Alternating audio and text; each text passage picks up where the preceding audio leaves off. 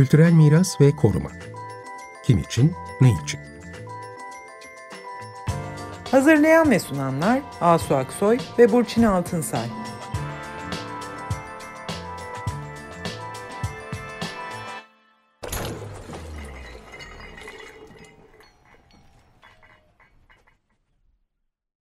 Merhaba, iyi akşamlar. Bu akşam çok e, üzücü bir konuda program yapacağız. Hepimiz çok üzgünüz. Bütün e, depremde hayatlarını kaybedenlere başsağlığı diliyoruz. Yakınlarına da dayanma gücü diliyoruz. Halen daha zaten krizinde ortasındayız. Evet, çok kederli bir vakitteyiz açıkçası. Hepimiz çok büyük bir yastayız. Üzüntümüz çok büyük. Herkesin başı sağ olsun. Türkiye yasta. Yakınlarını kaybetmiş herkese büyük bir sabır diliyoruz. Çok büyük bir yas bu. Çok büyük bir kayıp. Üzerinden bir hafta geçti. 6 Şubat Pazartesi sabaha karşı Kahramanmaraş Pazarcık ilçesi merkezli yaşanan depremle uyanmıştık geçen hafta. Ardından o gün Elbistan merkezi ikinci deprem olmuştu ve çok büyük bir can kaybına sebep oldu bu deprem felaketi ve bu felaketle birlikte böyle bir radyo programı yapmak çok zor açıkçası. Ama e, Türkiye insanları bu büyük acıyla yardıma koşarak baş etmeye çalışıyor. Herkes bir yerinden bu yardım hareketinin bir yerinden tutmaya çalışıyor. İnanılmaz bir sivil dayanışma inisiyatifi harekete geçti. Sivil, profesyonel arama kurtarma ekiplerinden yardım dağıtımında gönüllü çalışanlara, doktorlar, öğretmenler, yani bütün halk aslında bu yardımlarıyla kenetlendi bu felaketin acısını azaltmak için. Ve biz şimdi tabii bizim programımız kültürel miras ve koruma Burçin. Yani ve e, kültürel miras dendiğinde de hep ilk akla gelen ne oluyor? Yani somut ve işte taşınmaz kültür e, varlıkları dediğimiz hani tarihi kaleler, surlar, camiler, kiliseler, arkeolojik alanlar hemen akla geliyor. Dünya e miras alanları da var bu bölgede, e, müzeler. Evet, müzeler. Ve Onlar bizim da... e, kültür varlıkları konusunda e, uzman olan, özellikle de risk yönetimi konusunda uzman olan arkadaşlarımız da bu ilk hafta kurtarma çalışmalarına katıldılar. Bizim konularımıza da hazırlanıyoruz ancak. Şu anda esas meselemiz o değil tabii ama yine de bizim yani de aklımızda onlar. Yani bu deprem felaketi sonucu tabii hayatını kaybeden bugün itibariyle 20 bini aşmış canlar karşısında yani bu bu felaket karşısında hani bütün bu tarihi yapılar, nesnelerle ilgili hani onlara ne oldu yu konuşmak aslında böyle e, insan bunun zaman değil diye düşünüyor ilk şeyde, ilk bakışta yani. Bunlar sonuçta bina. Esas şimdi biz kaybedilen canlar meselesini e, konuşuyoruz, yardım etmeye çalışıyoruz. Niye böyle bir felaket yaşadık? Bunları ele almaya çalışıyoruz. Ee, hani böyle kültürel miras meselesi sanki böyle daha sonra konuşulabilecek konuymuş gibi. Ama aslında işte şimdi birazdan bunu açacağız. Yani bu kültürel miras e, varlıkları dediğimiz şeyler insanların ne kadar hayatlarının parçası aslında. Bunu birazcık anlatmaya çalışacağız değil mi Burçin? Yani Evet, e, hayatiyetimizin insanların... önemli bir parçası. Dolayısıyla onlar da aklımızdan çıkmıyor tabii. Çünkü evet. orada yaşayan insanlar için önemli şeyler bunlar. Hayatlarının anlamını veren, varoluşlarının, aidiyetlerinin simgeleri. Dolayısıyla onlar da varlık. Evet. Onlar da varlık. İşte bunu anlatmaya çalışacağız. Biz böyle bir üç başlık çıkarttık. Bunu böyle etraflıca tabii bugün alamayacağız ve e, bu üç başlık nedir? Yani bütün bu konular e, bir taraftan konuşuluyor işte medyada e, vesaire. Böyle bir üç başlık ortaya çıktı. Bunlar bir tanesi yani bilim insanları, uzmanlar uzun zamandır söylüyorlar, uyarıyorlar bu deprem tehlikesi karşısında ve bu önlem alınmazsa böyle bir trajedinin yaşanabileceğini konusunda e, bilgi aktarıyorlar uzun zamandan beri ve neden gerekli önlemler alınmamış? Yani ortada konuşulan konulara baktığımızda bu birinci başlık çok önemli. Neden gerekli önlemler alınmamış? Bu insan hayatı ve insanların hayatının parçası olan bütün varlıklar için sorulması gereken bir soru. İkincisi yine konuşulan bir konu. Bu yaşadığımız kayıp nasıl bir kayıp? Neleri kaybettik? Evet canları kaybettik. Canlarla birlikte e, insanların benlikleri ve o benliklerini inşa ettikleri yaşam alanları, işte evleri, yapıları falan e, bütün bunlar, kentler, bütün bu insanların benliklerini besleyen damarlar aslında bunları kaybet, hep birlikte kaybettik bunu. E, bunların içinde bu damarlar içinde kültür varlıkları da var kuşkusuz. İkinci konu bu. E, üçüncü konu da tabii ki yani bundan sonra tekrar böyle bir e, felaketi yaşamamak gerekiyor artık. Yani 1999 Gölcük depremi yaşandığında da buna benzer bir e, ruh hali vardı ve böyle bir beklenti vardı hatırlıyorsun sen de. Yani o zaman da söylenmişti. Bir daha böyle bir şey olmaması lazım. Böyle bir felaket bir daha yaşanmaması lazım denmişti ama belli ki e, yani ders bir alınması gereken derste sınıfta kalınmış. Bu çok konuşulan bir konu. 6 Şubat 2023 Türkiye için nasıl bir dönüm noktası haline dönüştürülebilir? Yani üçüncü konu da bu. Şimdi yani böyle toparladık ve e, kültür varlıkları üzerinden, miras değerleri üzerinden yani genelden oraya doğru gitmeye çalışacağız. Yani geliyorum diyordu bu deprem ve neden gerekli önlemler alınmadı diye bu soru soruluyor. İşte bu konuda görüyoruz ki aslında çok raporlar var, bilim insanları dediğimiz gibi uzun zamandır çalışmalarla gösteriyorlar. En son mesela ben bu AFAD'ın Kahramanmaraş ile ilgili yaptığı raporu 2020'de hazırlanmış bu rapor. Ona bakıyordum ve e, yani çok net açık bir şekilde söylenmiş işte şeye bakılmış oradaki yer kaymaları, heyelanlar her şeye bakılmış ve oradaki risklerin oradaki riskli zonlar nereler falan ve neler yapılması gerektiği açık açık yazılmış. Bütün bunları aslında biliyoruz. Bütün bu rapor, yönetmelikler, araştırmalar, kanunlar ve bunların ama uygulanmadığını görüyoruz. Sürekli uyarılara rağmen, uzmanların uyarılarına rağmen, yönetmeliklere rağmen bunlara uyulmadı. Neden uyulmadığını işte soruyoruz. Geçen haftaki programımız aslında şey Burçin Bursa'da Uludağ'da bir bir yeni bir karar var. O konuyu ele alacaktık. Bu Uludağ'ın işte daha fazla turizme açılmasının önünü açan bir karar söz konusu. Oranın alan bir alan başkanlığı kurulması. Mesela bu konuda e, oradaki bütün meslek kuruluşları bu kararın yanlış olduğunu söylüyorlar ve bunu bilimsel analizlere dayandırarak e, bu evet. programı ileride getireceğiz, e, yayınlayacağız. Yani bu bu bu bütün bu e, uyarılar, bilimsel analizler ve tabii ki bunların e, üzerinden gelişen itirazlara kulak asılmıyor. Bunlara değer verilmiyor. Neden değer verilmiyor? Niye bir kenara atılıyor? Yani bir kenara atılmak bir kenara bir tarafa bir de bu itirazları sürekli anlatmaya çalışan, davalar açan, süreçleri takip eden, kamuoyunu bilgilendirmeye çalışan meslek insanları. Bunların bir evet. kısmı bugün işte Gezi davasından mahkum edilip hapse konan kişiler arasında işte Tayfun Kahraman, Mücella Yapıcı, Can Atalay ve diğerleri bunlar bu konuları yıllardır takip eden insanlar. Yani Bunlar da evet bu değerleri korumaktan bahseden, risklere dikkat çeken ve bu risklerden kaçınılması, bunların önlemlerinin alınması gerektiğini söyleyenler ve bizler de söylüyoruz.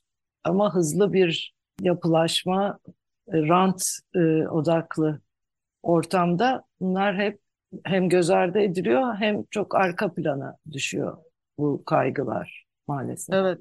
Evet. Bunları işte yani, hayati hale getiremiyoruz. Aynen. Yani insan odaklı, insanın huzuru ve güveni odaklı politikalar ve e, kültürü öne çıkamıyor değil mi? Ve ve bunun içine kültürü işte koyma, kültürel varlıkları da koymamız lazım işte. Yani insanların aslında değer verdiği, insanların kendi benliklerinin bir parçası olarak e, değer vere geldiği şehir dokuları, e, varlıklar, değerler bunlar... Açıkçası ben aslında şu noktada hani dedim ya kriz daha bitmedi hala içindeyiz krizin. Evet neden yapılmadı şu anda ne kadar tartışsak boş aslında. İleriye doğru belki bunları hani ders gibi görmek lazım. İkinci konumuz nasıl bir kayıp yaşıyoruz biz? Evet. Buna biraz odaklanmak ve bir de şu anda e, ister istemez kültür varlıkları tabii ki aklımızdan çıkmıyor. Onlara yönelik şu anda yine de acil olarak yapılması gereken şeyler var. Onları biraz bahsetmek istiyorum. Evet senin de söylediğin gibi enkazın altında maalesef kaybettiğimiz insanların bedenleri var. Ama aynı zamanda bütün hayatları, hatıraları da orada. Onların nesneleri de orada. Şimdi bu enkazın içinden ne kadarını toplayabilirler? Nasıl sahip çıkabilirler? Bu da çok zor bir iş gerçekten. Çünkü görüntüleri de gördük. Yani o enkaz nasıl ayıklanabilir? Kültür varlıkları da tabii bu şehirlerin ve orada yaşayanların ortak tarihleri hem onların hem hepimizin tarihi, bizim hafızamızın kayıtları, hatıralarımız bunlar. E, yapılar tabii bunların somutlaştığı yerler. Zaten normalde de biz bunları bu nedenle korumak istiyoruz.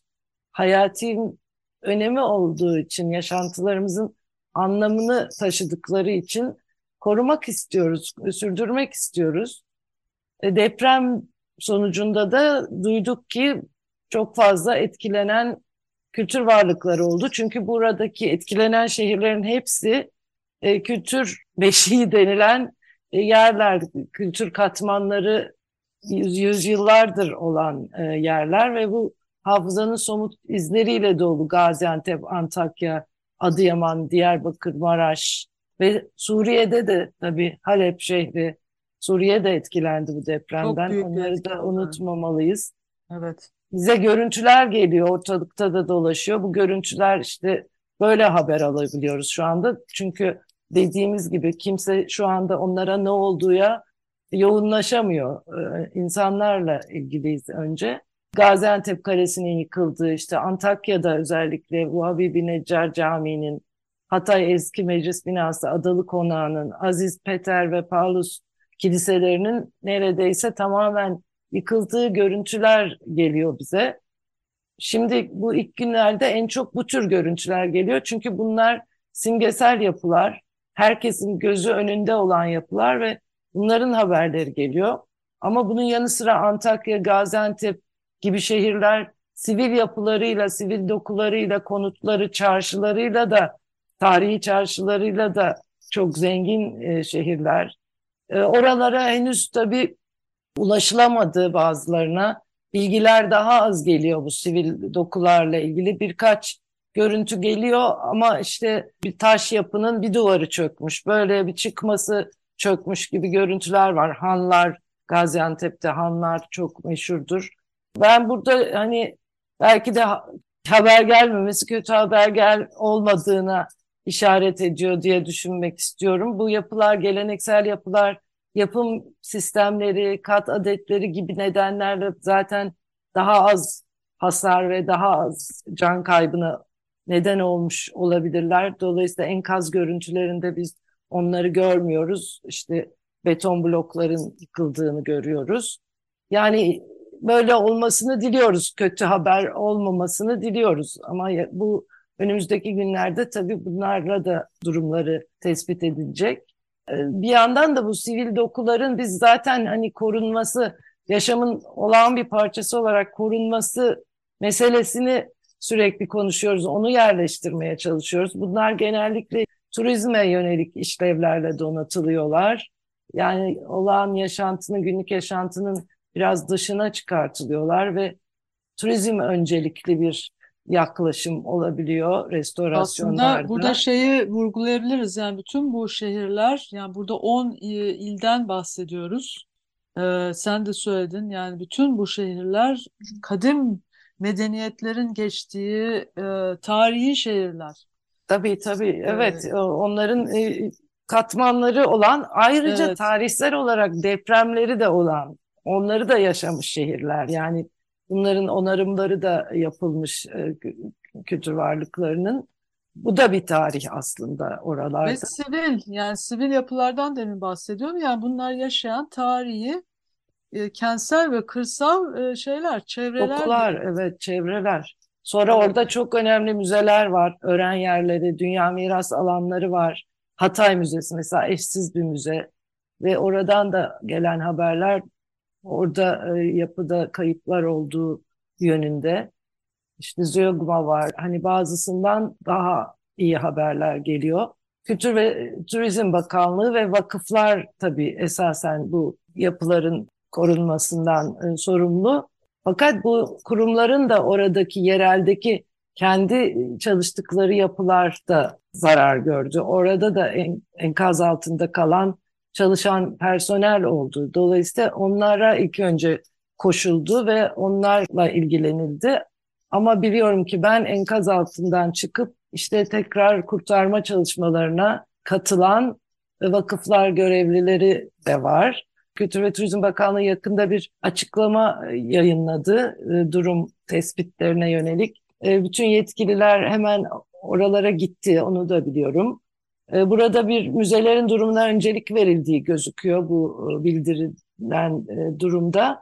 Evet bu da anlaşılabilir bir durum çünkü biraz ondan şikayet de oldu ama müzeler bu anda tam bu anda yeni tehlikelere açık hale geliyorlar. Yağma, hırsızlık, kaçakçılık hırsızlık, gibi. Evet. O nedenle tabii ki e, bakanlıkta ilk önce müzeleri güvenliğe almak zorunda. İşte personel kayıpları yaşandığı için başka şehirlerden e, oralara destek yolladılar. Yani bu müzelerde çünkü taşınabilir objeler var öğren yerlerinde de. E, bunlar çok daha fazla tehlike altında. Bir şey daha söylemek istiyorum. Şimdi demin dedim ya yani tam bugünlerde önemli üstünde durmamız gereken konu. Şimdi burada yıkılmış kültür varlıklarının enkazı moloz değil bir kere. Bunu kesin kabul etmemiz Aslında lazım. Aslında hiçbirine moloz dememek lazım. Hiçbiri Hiçbir değil. yıkılmış, evet. içinde yaşam geçen hiçbir e, yapıya yani moloz dememek lazım. Evet bu bir enkaz. Ben başka bir kelime arıyordum aslında. Evet. Yani bir enkaz diyelim ama bu yıkıntının içinde bu e, yıkılan önemli yapıların ve konutların ve neyse e, izleri, parçaları var şu anda. Onlar saçılmış durumda.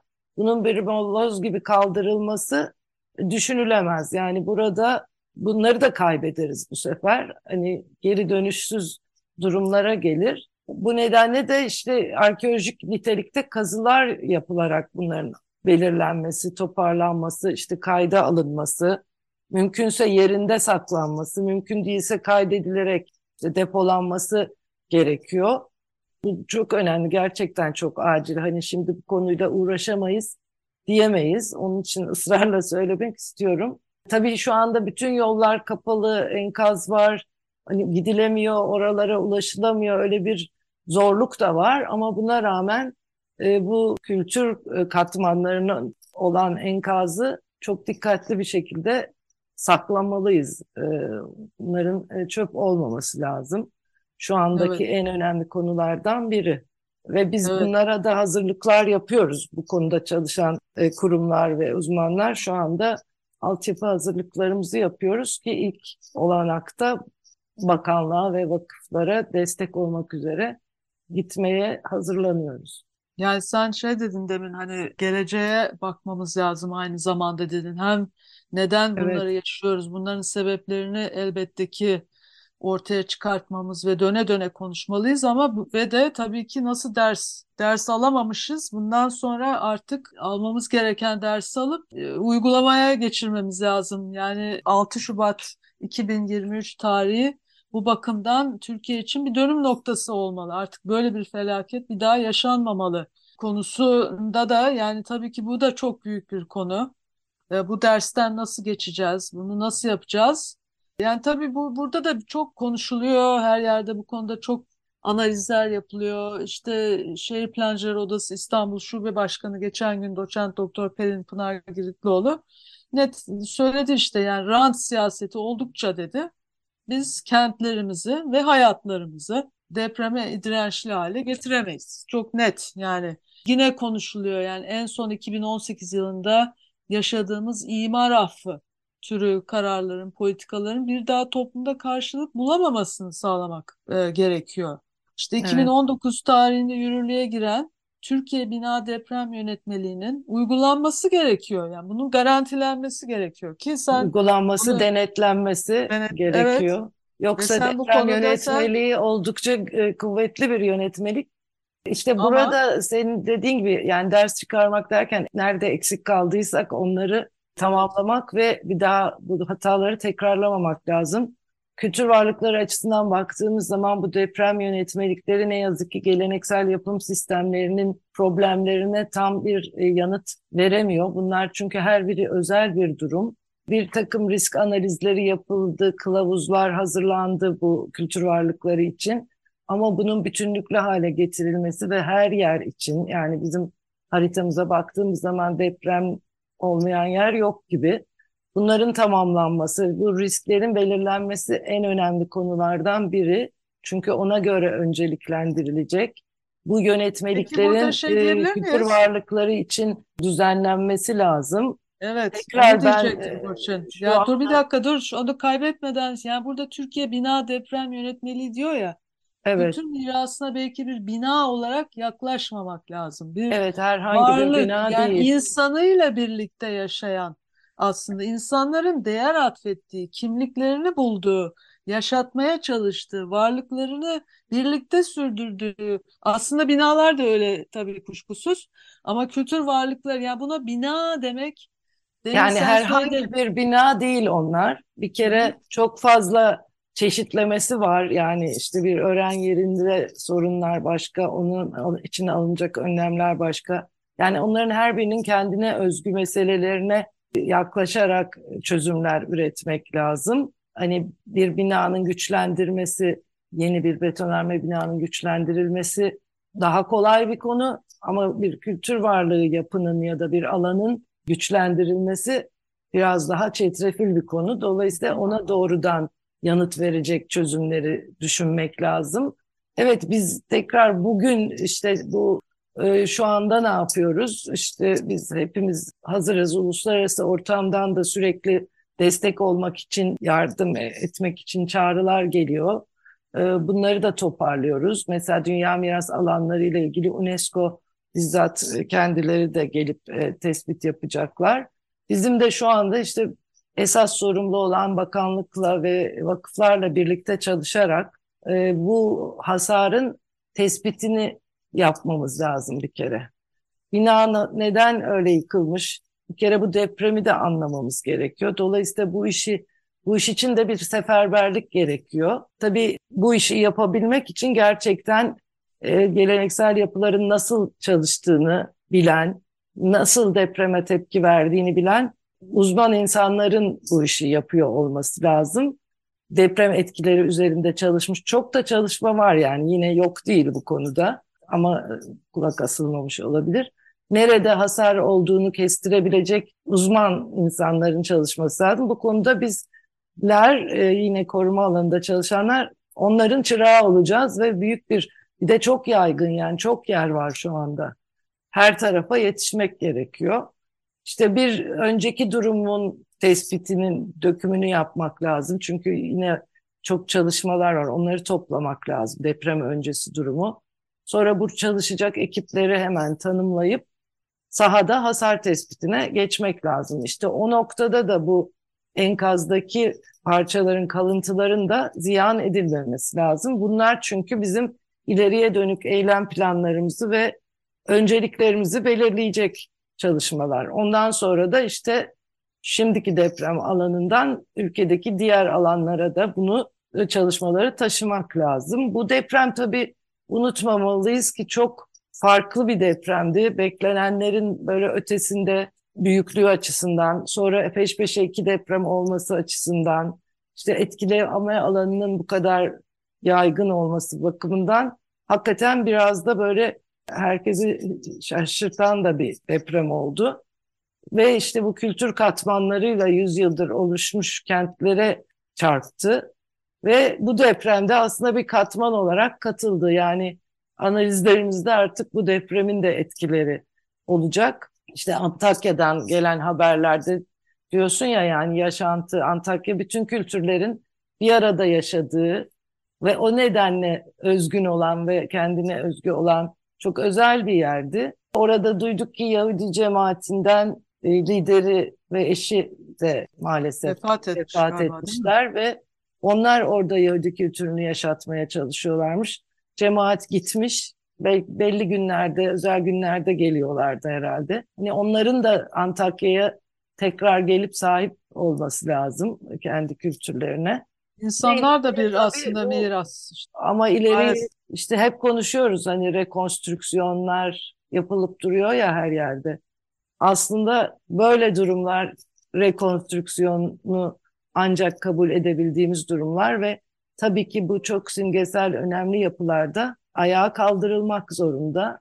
Dolayısıyla ona yönelik bilgilerimizi ve belgelerimizi oluşturmamız lazım. Rekonstrüksiyonlara şu anda itiraz edemeyiz. Çünkü insanların maneviyatını sağlamlaştıracak böyle uygulamalar. Bunları daha sonra tek tek ele Tekrar alacağız konuşuruz. mutlaka. Ama bir daha böyle bir felaketin yaşanmaması için 6 Şubat 2023 tarihi Türkiye için bir dönüm noktası olmalı. Bu Kesinlikle, hale getirecek politikaları takip edeceğiz biz de ve savunacağız. kesinlikle çalışıyoruz. Hoşça kalın. Hoşça kalın.